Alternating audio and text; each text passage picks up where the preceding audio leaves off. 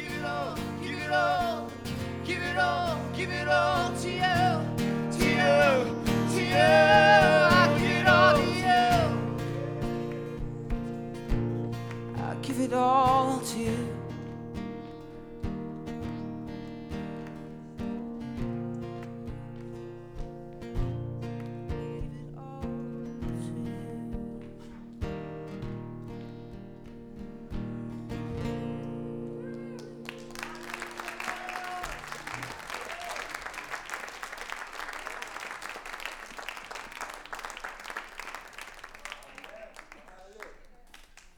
Tack du ha Sam. Amen. Och Jonathan, så bra. Bra jobbat. Underbart, vi får använda våra gåvor och prisa Herren med allt vad vi har och allt vad vi är. Amen, vad härligt att se dig idag. Kan du vända dig till din granne och bara säga du är på rätt plats idag. Amen. Amen. Och du är välsignad. Amen. Den här veckan så, så har varit en fantastisk vecka därför att Jesus är med oss, eller hur? Amen. Och jag, jag hörde en, en, en röst inom mig, inte en konstig röst, en bra röst. Och, som sa så här, ska vi, på söndag ska vi säga tillsammans, bekänna, i Svedjeholmskyrkan, vi blir fler och fler. Ska vi säga det tillsammans? Vi blir fler och fler. Vi blir fler och fler. Amen.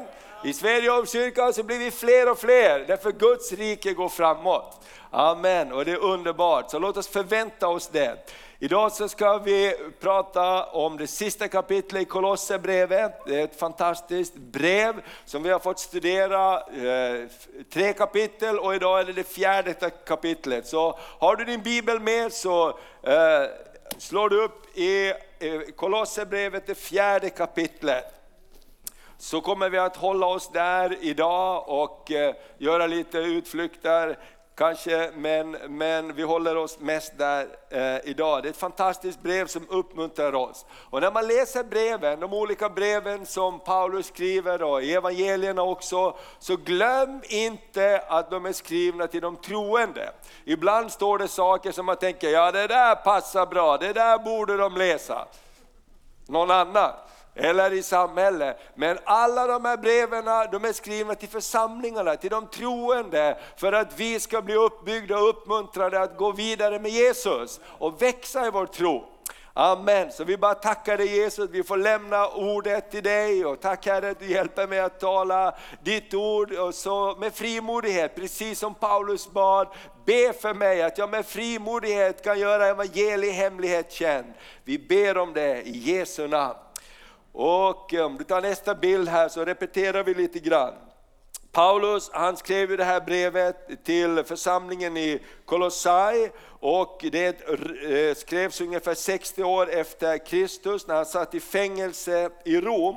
Han, läser man Apostlagärningarna så ser vi hur han kommer till fängelset och i fängelset så är det ju en väldigt dramatisk resa dit över haven och Gud räddar dem och han blir väldigt väl bemött där så han får som en egen lägenhet kan man säga i fängelse där han kan ta emot människor, där vakterna också finns. Men, men han har ganska stor frihet där och där skriver han olika brev, bland annat Efesierbrevet och Kolosserbrevet och många andra brev som sänds iväg därifrån ut i de församlingar som finns etablerade. Och eh, många av de här breven var också rundbrev, så när de hade läst det på ett ställe så skickade de dem vidare för att man skulle få ta del av, av undervisningen. Och Kolosserbrevet det kallas också Kristusbrevet, den smorde i Kristus, genom Kristus, till Kristus. I Kristus, Kristus i er härlighetens hopp, står det i Kolosserbrevet 1. Kristus är härlighetens hopp. Det runt omkring oss kan se besvärligt ut, men Kristus, han är alltid härlighetens hopp. Amen, han är alltid härlighetens hopp. Så om det ser ut besvärligt så ska vi gå till Kristus, eller hur? För han lyfter oss, han smörjer våra ögon, han ger oss nytt hopp. Amen, han är härlighetens hopp. Det är kanske inte är så mycket hopp av det som finns runt omkring det, kanske saker talar sitt negativa språk, därför behöver vi hjälpa varandra att gå till Kristus. Amen. För i honom så är du mer än en övervinnare. Och vi pratar om i första kapitlet vår position i Kristus, vem vi är. Vi pratar i andra kapitlet om vandringen med Kristus. Och i tredje kapitlet så pratar vi om hur det är att eh, eh leva med Kristus och att lyfta vår blick uppåt. Se inte det på det som är på jorden, står det i kapitel 3, utan titta på det som finns hos Kristus. Och, och det här kapitlet så ska vi prata om eh, Kristus med oss ut i världen. Och det här kapitlet handlar mycket om bön, så ska vi se. Vi kan ta nästa bild där. Det här är en liten kartbild över eh, hur det såg ut. Här uppe ser du, här nere ser du Jerusalem, Israel. Där i kapitel 8 i Apostlagärningarna så blir det ju en fantastiskt svår förföljelse. De troende de sprids ut över hela romarriket och, och, och evangeliet sprids på det sättet. Och 70 år efter Kristus då är förföljelsen så svår från, från romarna mot judarna i allmänhet att Jerusalem förstörs. Och du vet Jesus sa så här, här kommer inte att finnas sten på sten. Han profeterade över Jerusalem. Så det blev förstört 70 år efter Kristus och judarna blev kringspridda, förutom en liten rest som var kvar. Men här kan vi se då hur Paulus åkte ut på missionsuppdrag och han hamnade i Rom, där i fängelse. Och därifrån sänder han brev till Efesus, till Kolosse och till de här olika platserna. Där finns eh, Eh, eh, vi ska återkomma till det här lite grann så ska vi se hur det ser ut. Men lite för att få en geografisk bild. Och det var ju inte som att sända post eh, med posten idag. Ja, kanske det var ganska lika. Men, men, men, men i alla fall så tog det lite tid innan, innan breven kom fram. Och man fick ofta skicka en egen budbärare för att veta att brevet skulle komma fram. Okej, nästa bild. Och nu ska vi börja läsa här i, i Kolosserbrevet eh, 4. Eh, så står det så här från vers 2. Var uthålliga i bönen, för vaka och be under tacksägelse. Be också för oss att Gud öppnar en dörr för ordet. Det första som vi läser här i Kolosserbrevet 2 är var uthålliga i bönen, vaka och be med tacksägelse. Och jag tänkte på det, idag har vi haft mycket bön i kyrkan. Eller hur? Och, och, och, därför bönen är någonting helt fantastiskt. Bönen hjälper oss att ta våra bekymmer, det som kommer emot oss, och så går vi med dem, och vi går med dem, och vi går till korset och säger här, du har lovat att ta det. Amen. Du vet att väldigt mycket tryck kommer emot oss, våra sinnen, våra tankar. Och när vi, när vi ber så lär vi oss att ta våra bördor och vi går till korset och vi lägger ner dem för korset. Amen. Det hjälper oss att bli av med mycket bördor. Amen. Och det är därför det är också fight om bönen. Så Paulus skriver mycket till dem om, om bönen, för att i bönen så händer något fantastiskt. Och, och, så härligt också med, med, Victoria här, vi har pratat ganska mycket om hennes väg till Kristus och så. Och hon hade det jättejobbigt ett tag, väldigt, väldigt jobbigt, det var nära att allt skulle ta slut. Och, och, och då så, så, så blev hon räddad på olika sätt och så, så kom hon in på, på sjukhuset och där mötte hon en kvinna som sa, det enda du kan göra det är att be. Det är det enda som kan hjälpa. Hon fattar ingenting vad det handlar om, men hon börjar be. Och efter det så, så, så har hon bara lärt sig, det är bara att gå till Gud. Och vi säger nästan varje dag, nu måste vi be för det här, nu måste vi be för det här. Olika attacker som kommer, vi måste be för det. Och jag tänker så här, det är bara genom bönen som vi kan övervinna. Därför bönen gör att när det projekteras saker mot dig, vad ska du göra med det? Ibland känns det övermäktigt. Därför kan vi gå tillsammans med bönen och vi lägger det vid korset. Amen. Det är så våra bördor kan lättas. Och, och, och, och, så kan vi få, få, få komfort, vi kan få tröst. Vi kan få tröst. Halleluja! Vi kan få tröst. Han säger, jag tar dina bördor, lägg dem hos mig så ska jag hjälpa att bära dem. Och de här tre områdena tror jag är, är tre områden som vi kan vaka över i vår, vårt böneliv. Be uthålligt. I Lukas 18 så står det berättelsen, Jesus säger, jag ska berätta en berättelse för att lära er att ni ska be uthålligt. Och det står, det fanns i en stad en änka en kvinna. Och det fanns en, en orättfärdig eh, domare som inte gav henne rätt. Men hon gav inte upp. Så, så du känner till den här berättelsen. Jesus säger, be uthålligt som den här kvinnan. För det står att dag och natt ständigt kom hon till domaren och sa, ge mig min rätt. Och det står att, att den här domaren sa, jag orkar inte höra på henne längre. Jag orkar inte med det här längre. Jag ger henne vad hon ber om. Amen. Det är en ganska häftig berättelse Jesus berättar om att vi ska be utan att tröttas, utan att ge upp. Och, och, låt oss vara uthålliga i vår bön. Vissa böner får du inte bönesvar med samma för. Har du märkt det? Vissa böner så får vi fortsätta be, vi får fortsätta be, vi får fortsätta be, vi får fortsätta be. Men någonting händer när vi fortsätter att be. Amen. Och vet du vad som är så häftigt? Vi får skörda vad tidigare generationer har bett. Amen. Jag är så glad för de som har bett före mig. Och vet du vad, när vi ber så dör inte bönerna, utan bönerna lever vidare. Halleluja, därför tror jag att Sverige kommer att få uppleva en stark, stark tid när Jesus kommer tillbaks till det här landet. När Jesus kommer tillbaks till gatorna i Sverige, när Jesus berör vårt land igen. Så låt oss inte ge upp, utan låt oss fortsätta be böner. Amen be vakande. Matteus 26 så säger Jesus, vaka och be. Så att ni inte kommer i frestelse, därför att köttet är svagt. Amen. Anden är stark men köttet är svagt. Vaka och be så att ni inte hamnar i frestelser.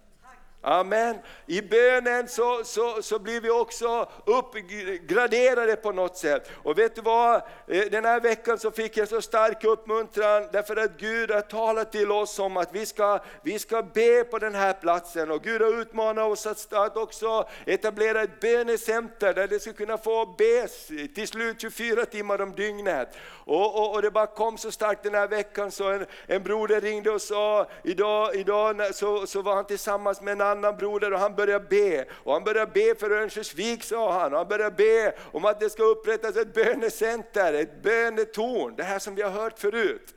Och, och, och, och jag tänker så här, låt Gud utmana oss med det här. Låt oss be och, och, om bönens ande över våra liv. Så det här får formateras under det här året på olika sätt. Och, och, vi kommer att komma tillbaks till det under våren. Därför vårt kött det gillar inte att be alltid. Vår ande ropar efter att be. Eller hur? Och jag, jag har sagt det förut, när man går till bönemöte så kan man vara jättetrött. Men när man går hem från bönemöte så är man ofta upplivad och glad. Eller hur? Därför någonting händer, någonting sätter igång när vi börjar be till Gud. Halleluja! Och tillsammans med Gud är allting möjligt. Och det tredje steget här som den här versen talar om, be med tacksamhet. I Filipperbrevet 4 står det, låt alla era önskningar bli kunniga inför Gud med tacksamhet. Pappa du vet om de här problemen, du är mycket större än våra problem. Och därför tackar vi dig Gud att du är mäktig att lösa upp knutar, du är mäktig. Så låt oss alltid tacka Gud, tacka Gud för han är större än allting annat. Amen. Det lönar sig inte att klaga inför Gud så mycket, eller hur? Han vet ju allting. Tänk på kung David, när han slog, eller David, herdepojken när han slog Golia. De andra bara klagade, han sa tack Gud för att du är med mig. Tack Gud för att du hjälpte mig slå lejon och björn. Och du Gud som hjälpte mig, du ska också hjälpa mig nu.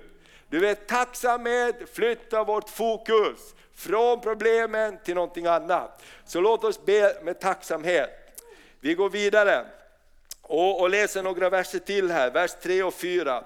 Och vers 12, då står det så här, Paulus säger, be också för oss att Gud öppnar en dörr för ordet så att vi kan predika Kristi hemlighet. För vars skull jag är fängslad. Be att jag talar som jag bör när jag lägger fram det. Jag tycker det här är väldigt vackert. Paulus, Paulus säger be för oss. Ni är där borta och jag är här, men, men be. I bönen finns det inga avstånd heller. Amen. I bönen finns det inga avstånd. Amen, i bönen finns det inga avstånd, utan vi kan be och vi kan vara nära, vi kan be. Därför är det så härligt när vi ber på söndagsmorgnarna här för, för missionen, vi ber för de ofödda, vi ber för, för, för den förföljda kyrkan. Bönerna far över hela jorden. Amen. Och, och, Paulus säger låt oss vara bedjande människor. Och så säger han så vackert lite senare i det här kapitlet, i vers 12. Eprafas som är en av er, han kom alltså från Kolosse och han var i Rom, han hälsar till er. Han är en Kristi Jesu tjänare som ständigt kämpar för er i sina böner. Halleluja! Jag kan bara se den där killen, han går omkring där med Paulus i fängelse och hälsar på. Då säger nu måste vi be för Kolosser. Ja, ja, säger Paulus, vi måste be för Efesus, vi måste be för Filippe, vi måste be för det. Ja, men glöm inte Kolosser! Amen, du har mött dem där va? Glöm inte min by! Amen, nu ska vi be för Afrika. Men glöm inte Anundsjö! Eller hur? Han kämpar för dem och sa Gud, nu bara ber vi, vi bara ber. Kom igen Paulus nu, nu ber vi för Kolosse! Amen. Han bad så mycket så Paulus nämnde han i brevet, han kämpar ständigt för er i sina böner. Amen, nu släpper du taget där, djävulen du har ingen rätt att förstöra Kolosse. Ja, men du har ingen rätt i dem. Du, amen. Halleluja, tänk att ha sådana vänner. Halleluja, det är bättre vänner än någon annan. Och jag tänker så här, låt oss aldrig skämmas för att be i kyrkan. Därför är en församling som ber, den kopplar ihop med himmelens Gud. Den säger vi kan inte så mycket, men vi vet en sak, går vi till Gud så händer någonting. Amen. Så, så prisat vare Herrens namn. Tänk om du skulle få bli också omnämnd.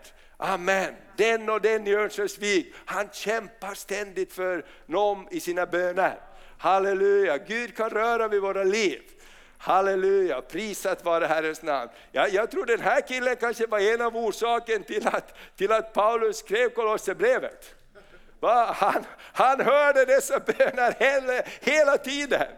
Halleluja, du vet Paulus han var lite så här påverkningsbar. Kommer du ihåg hur det var när jag kom till Filippi? Och där var några kvinnor, en hette Lydia och det står att hon övertalade oss och vi lät oss övertalas. Står det. Kom och bo hos oss om ni menar att vi är kristna. Menar ni att vi är kristna, eller hur är det? I så fall kom och bo hos oss och vi lät oss övertalas. Halleluja. Amen, jag vet inte, men jag vet bara att om du är, brinner för någonting, om du står för någonting, så är det någonting som blir förlöst också. Halleluja, Gud hjälp oss att vara människor här i Örnsköldsvik som ber, som brinner för en förändring. Amen. Wow, priset var Herrens namn. Vi tar nästa bild. Eh, målet med våra böner, det är att evangeliet ska nå dem som ännu inte känner Jesus. Gud vill använda dig och mig, han arbetar med våra attityder. Det är det som är så fantastiskt det här, när vi har kommit in i Guds rike. Det, det är liksom ett råmaterial som har kommit in i Mästarens hand. Eller hur? Har du träffat någon kristen som, som du har märkt att det finns en liten, liten förbättringsmöjlighet hos den? Hur många har mött några sådana? Amen. Ja, väldigt ödmjuka människor.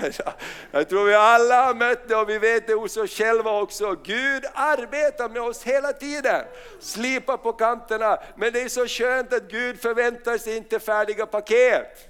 Eller hur? Han säger kom till mig alla ni som bär på bördor. Kom till mig, halleluja, så ska jag hjälpa er. Och så här står det i den här versen. Eh, var visa när ni möter de utomstående, alltså de som inte känner Jesus. Och ta vara på varje tillfälle. Ert, ert tal ska alltid vara vänligt. Det står här i, i studiebibeln, en annan översättning säger full av nåd. Ert tal ska vara fullt av nåd. Wow! Hur många behöver bättring på det området? Amen. Kolosserbrevet till oss här idag, eller hur? Amen.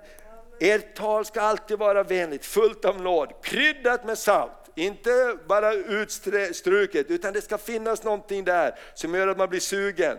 Så att ni vet hur ni ska svara var och en. Amen.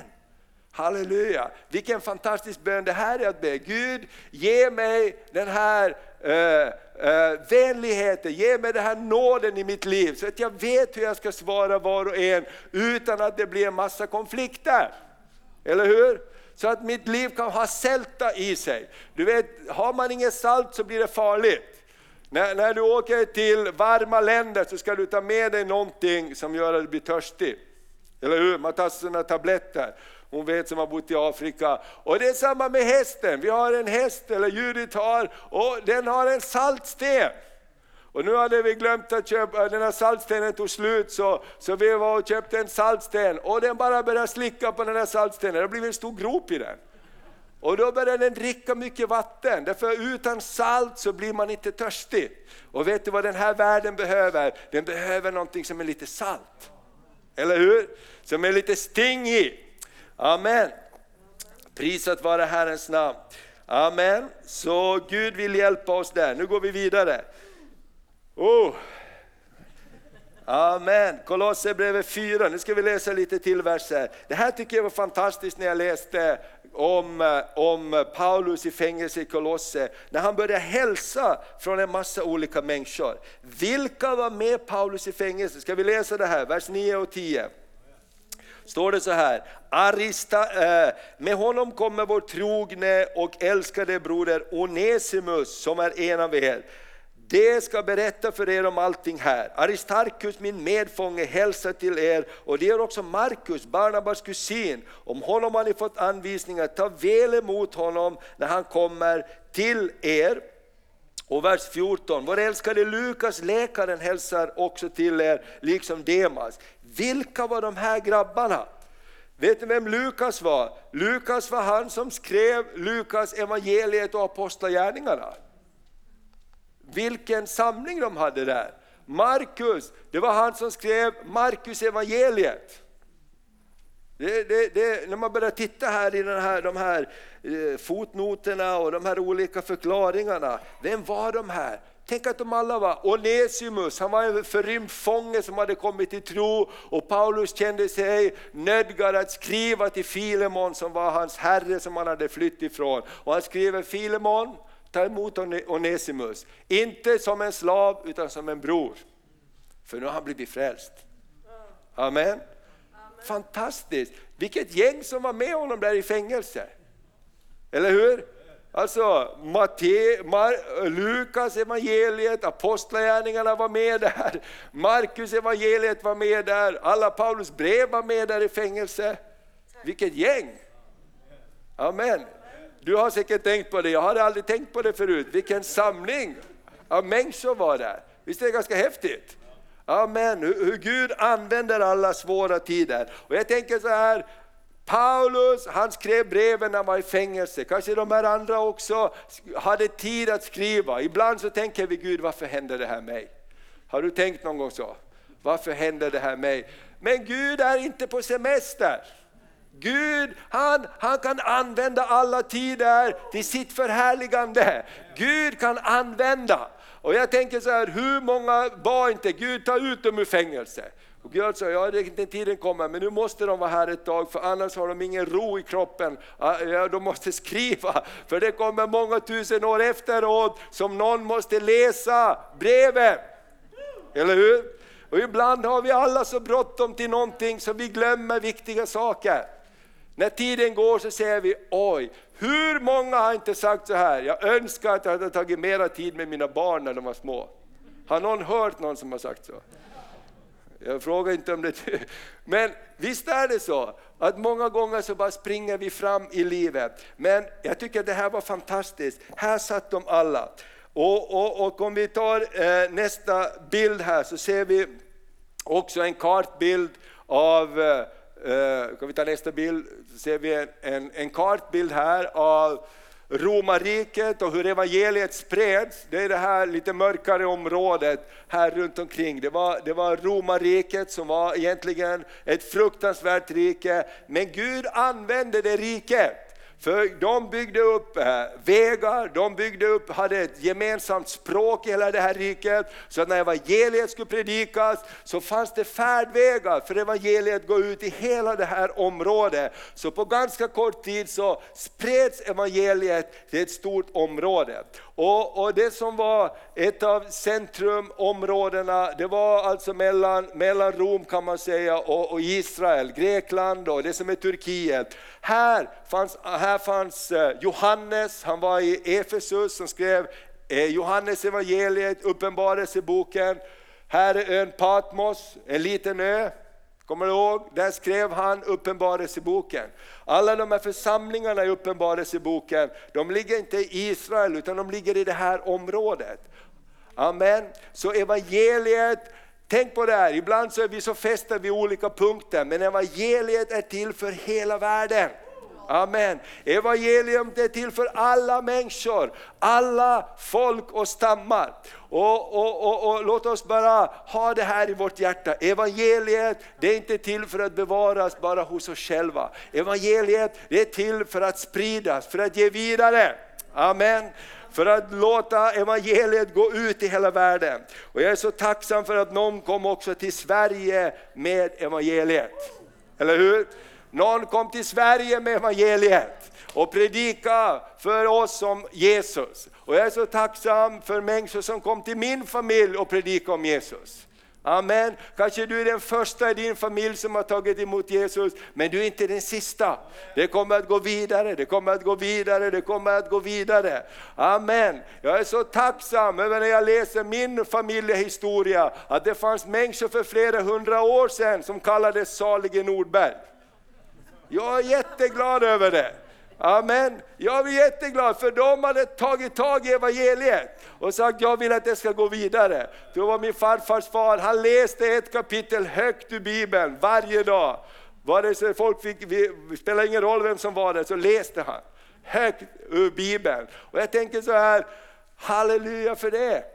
Amen. Och jag tänker låt oss vara människor som för vidare evangeliet i generation efter generation, men också nya familjer. Kanske du känner så här, åh jag är så ensam med min familj som är troende. Min vän, du är inte den sista i din familj.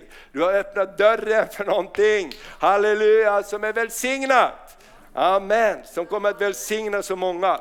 Okej, nu tar vi, jag har två bilder kvar. Då tar vi nästa bild, avslutning av brevet. Så säger han så här i vers 17 och 18. I vers 17 står det, säg till Arkippos, se till att du fullgör den tjänst du har fått från Herren. Arkippos, tänk att det här är brev till en församling, precis som du och jag sitter i en församling idag. Kanske Jesus säger till någon av oss idag, Arkippos, se till att du fullgör din tjänst som du har fått från Herren. Det finns så många saker som försöker ta bort det Gud har sagt till dig och mig. Det finns så många saker som försöker föra oss bort. Jag kommer ihåg Sven Alm som startade den här församlingen. Han sa ofta så här, det finns alltid en båt som väntar att ta dig till fel destination. Du vet när Jonas han skulle sändas iväg och predika evangelium för en hel stad, så kom han till hamnen, men han tog fel båt, åt fel håll. Det finns någonting i oss som vill fly bort ifrån Guds kallelse. Därför att det är jobbigt ibland för vårt kött. Det är en kamp i vår inre värld. Men Paulus säger till den här brodern, vem man nu än är, Arkippus, se till Arkippus att du fullgör den tjänst du har fått i Herren. Jag tror att när de läste upp brevet så bara högg det till i Arkippus hjärta. Gud, Åh, du har sett min kamp, du ser vad jag håller på att gå igenom och du uppmuntrar mig. Idag tror jag Gud uppmuntrar någon. Fullgör det Gud har lagt i ditt hjärta. Amen. För du är en bärare av välsignelse. Du kan be för andra, du kan visa vänlighet, du kan berätta för andra om Jesus. Du kan göra någonting som Gud har lagt i ditt hjärta. Du kanske inte ska göra någonting som någon annan gör, men bara för att du är den du är och står fast där du står, så kommer välsignelse att komma till andra människor. Amen. Och den sista bilden här, så är den sista versen. Jag tycker den är så skön att sluta ett brev så här. Här skriver jag Paulus min hälsning med egen hand. Han hade alltså andra som hjälpte honom att skriva, han dikterade och så skrev han under med egen hand. Och så slutar han så här. Tänk på mina bojor, nåden vare med er. Amen. Låt oss ha rätt perspektiv. Du kanske har det jobbigt, men Paulus han satt i fängelse, han kom aldrig ut därifrån. Mest troligt så dog han där. Eller hur? Och jag menar, det står Paulus han hade varit slagen till döds, han hade flutit omkring i Medelhavet på en planka, han hade blivit förrådd av bröder, de hade misshandlat honom så att de trodde att han var död. Men Gud reste honom upp och han satt i fängelse. Det är som Paulus säger, hej bröder och systrar, tänk på mina bojor. Amen, du, du är väl ändå i frihet? Har du märkt ibland vad våra problem ibland kan bli så stora? Det är ingen som har det som jag. Eller hur? Det är ingen som går igenom det jag går igenom. Är det någon som har hört det i sitt sinne någon gång? Eller hur? Och ibland så kan vi bli så uppmärksamma med vårt eget så vi glömmer de som sitter i bojor. Eller hur? Så vi glömmer de som, som ger sina liv för evangeliet. Vad har vi då för problem? Men jag tycker inte om att de sjunger så länge. Eller vad? Det, det, kan vara en massa olika problem vi har. Ja, och, och, och, låt oss bara, jag tycker det är så skön avslutning av Paulus. Glöm inte mina bojor. Nåden är med er. Amen. Nåden är med er. Halleluja. Amen. Ska du säga till din granne, nåden är med dig. Amen. Nåden är med dig. Fastna inte i dina egna utmaningar så att de skymmer sikten för nådens sol som lyser över dig. Amen. Vet du, oberoende hur du känner det så finns det en sol ifrån himlen som lyser över dig. Halleluja, nådens sol, rättfärdighetens sol går upp med läkedom under sina vingar. Känner du dig tung, känner du dig deprimerad eller missförtalad eh, eller misslyckad på något sätt, så står nåden där, så står Jesus där och han säger, min son, min dotter, jag är med dig. Amen, amen, amen, amen. Halleluja, det var en predikant som, som eh, var fantastisk, eh, han är hemma i himlen nu, han heter Shambag. Han sa så här, you don't have any trouble, all you need is faith in God. Amen. Amen. Ibland får, måste vi ha ett perspektiv på våra liv, eller hur? Amen. Kan du säga till din granne, var inte så orolig, Gud kommer hjälpa dig. Amen. Halleluja. Amen. Ta någon annan och så säger du rättfärdighet och nådens sol lyser över dig. Amen. Prisat vare Herrens namn. Det kommer att bli som Gud har sagt. Halleluja, tack Jesus. Underbart, ska vi ställa oss upp på våra fötter och vi ska strax bara få, få avsluta här och, och lyssna på lite berättelser av Jonathan också. Ska vi be för Bert-Ove som ska åka till Sri Lanka med sin fru och, och, och så vidare också. Men jag vill bara uppmuntra dig som har kommit hit idag vet inte vad du bär på, men jag tror Kolosserbrevets budskap till oss och till dig och mig är lika aktuellt som det var för, för snart 2000 år när det skrevs till den här församlingen i Kolosse. Nåden är med dig. Kristus i dig, härlighetens hopp. Titta inte så mycket på det som är runt omkring dig. Paulus säger, lyft din blick till det som är där uppe. Lyft din blick till Kristus. Ska vi lyfta vår blick till Kristus? Halleluja, vad du än bär på, kanske du bär på bekymmer, kanske du bär på någonting som är jobbigt just nu som inte du vet utvägen om.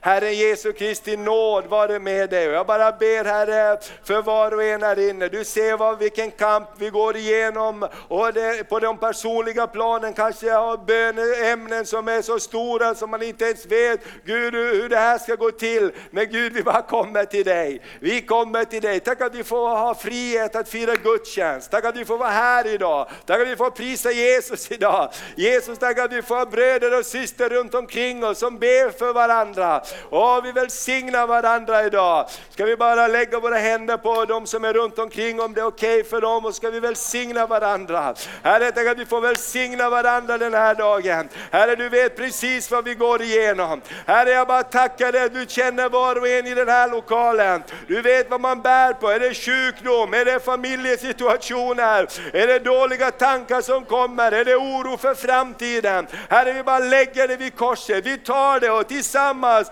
och vi bär det till korset. Vi bär det till korset idag. Vi bär det till korset idag i våra böner. Tack Jesus att du bar det på korsets träd. Jag tackar dig för frihet, jag tackar dig för nytt hopp Herre. Tack för bönens ande Herre över våra liv. Gud vi bara ber att du ska göra ett mirakel Herre, ibland oss Herre, så vi, så vi bara får starta det här bönecentret det här året Herre. Var, var en röst som ropar. Och vi får vara en Arkippos som ständigt kämpar i våra böner för andra människors frihet. Och vi kämpar för vår stad. Vi säger välkommen till Örnsköldsvik. Vi ber för King of Kings konferens. Låt det vara ett profetiskt rop ut i hela vårt land Herre. Och vi ber att du öppnar dörrar som ingen kan stänga. Du öppnar dörrar som ingen kan stänga Herre. Åh, vi tackar dig för ljudkonferensen också här Fader. Tack att det ska vara ett rop Herre. Halleluja, en proklamation av frihet Herre. Åh, för du vill lyfta oss upp Herre. Vi tackar dig, vi tackar dig, vi tackar dig, vi tackar dig Jesus. Tack att det inte är kört. För att du är på tronen Jesus. Halleluja, vi bara tackar dig Herre. Att vi får ta emot din nåd idag. I Jesu namn, i Jesu namn, i Jesu namn. Amen. Underbart, varsågod och sitt en liten stund till så ska vi strax avsluta här. Och vill du ha förbön efteråt så finns vi här för att be tillsammans. Gå inte härifrån om du bär på någonting. Vi är här, vi vill be tillsammans. Har du inte frid med Jesus i ditt hjärta så gå inte härifrån innan vi har fått be tillsammans. Kanske det har hänt saker som har gjort att du har tappat friden. Du kan få friden tillbaks i ditt hjärta. Amen. Mm, tack. Amen. Tack Thomas. Ge Thomas en applåd. Yes. Vet jag satt och tänkte på här. Nu har vi gjort Efesierbrevet och så har vi gjort Kolosserbrevet. Bara vi är uthålliga så har vi kört hela Bibeln.